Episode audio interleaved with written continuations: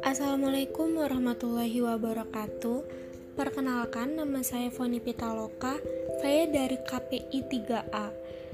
Di podcast kali ini saya akan menjelaskan tentang analisa saya tentang budaya Korea di Indonesia. Nah, pada saat belakangan ini budaya Korea menjadi populer di negara Indonesia. Awalnya karena kidrama yang banyak disukai masyarakat Indonesia dari remaja hingga ibu-ibu.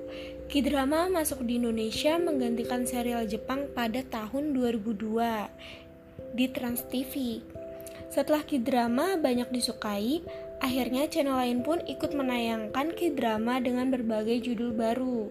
K-drama mengikutsertakan nilai, pola hidup, kehidupan sosial, sistem dan tradisi orang-orang Korea yang kemudian dinikmati dan diikuti oleh masyarakat global.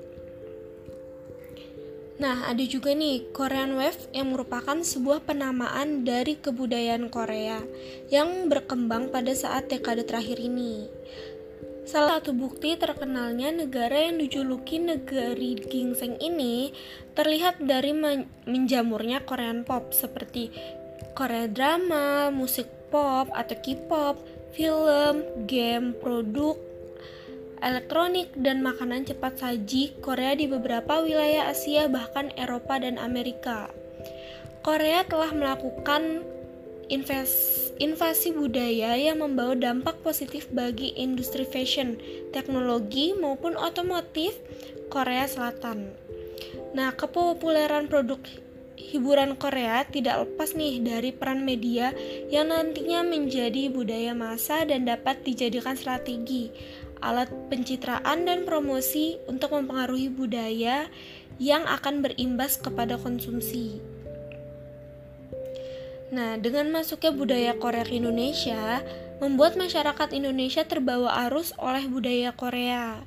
Adanya interpersonal, yaitu kesukaan pada orang lain, sikap positif dan daya tarik seseorang.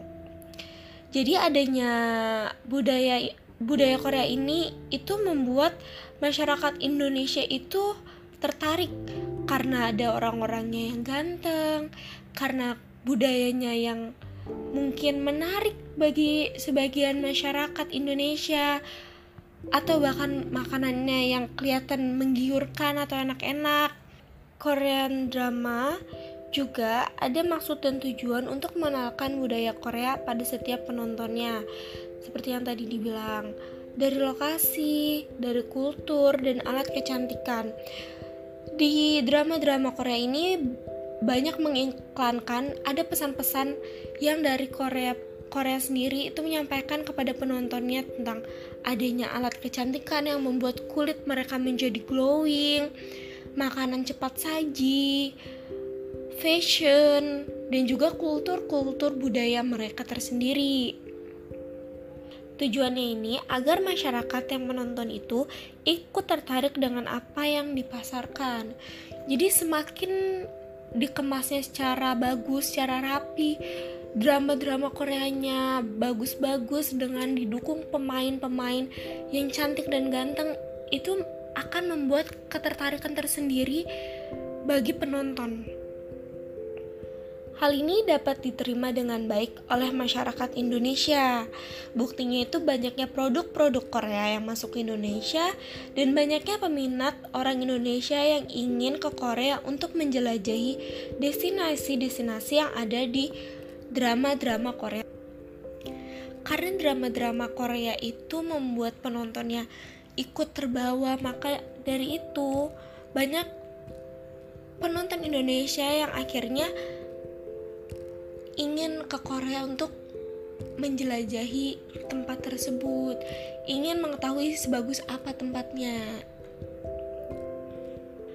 Lalu di sini adanya komunikasi massa juga sangat berperan penting dalam pemasaran budaya Korea dengan memanfaatkan media massa guna memperluas dan mempengaruhi kalayak dalam jumlah banyak.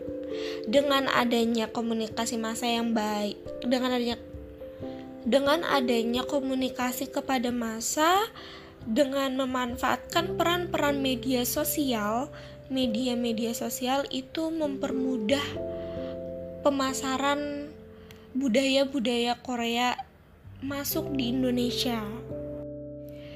Nah, media massa ini berperan banget dalam menyebarkan budaya-budaya Korea melalui dunia hiburan yang menciptakan demam Korea di mana-mana. Terutama di televisi dan internet. Perkembangan budaya Korea pada media massa sangat diterima dengan baik oleh negara-negara di kawasan Asia Tenggara. Dari diterimanya budaya Korea dengan baik, banyak produk-produk Korea Selatan yang sangat meningkat. Nah, selain pada media, bentuk kolonialisasi budaya Korea juga terlihat nih dari kebiasaan-kebiasaan yang ada dalam drama-drama Korea. Kini mulai diikuti oleh masyarakat seperti seperti kebiasaan kuliner dan makanan Korea. Nah, makanan Korea ini contohnya itu di Korea itu banyak banget makanan yang masak yang makanannya disajikan langsung di atas kompor. Nah, setelah setelah budaya itu masuk ke Indonesia kini banyak banget restoran-restoran yang menerapkan makanan seperti itu dan cukup digemari oleh para masyarakat Indonesia. Tapi tidak hanya itu. Fashion-fashion Korea juga digemari oleh masyarakat-masyarakat Indonesia terutama para wanita. Karena fashionnya yang cantik, yang stylish dan bagus, enak dilihat. Sekarang seperti di Shopee, Lazada, Instagram itu banyak banget yang menjual style-style Korea. Dan memang terutama itu seperti fashion dan makanan itu benar-benar sangat digemari di Indonesia.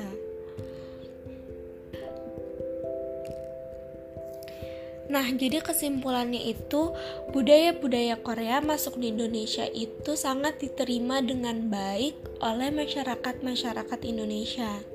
Dengan adanya drama-dramanya, fashionnya, dan juga makanannya. Serta otomotif otomotifnya juga dan alat-alat kecantikannya.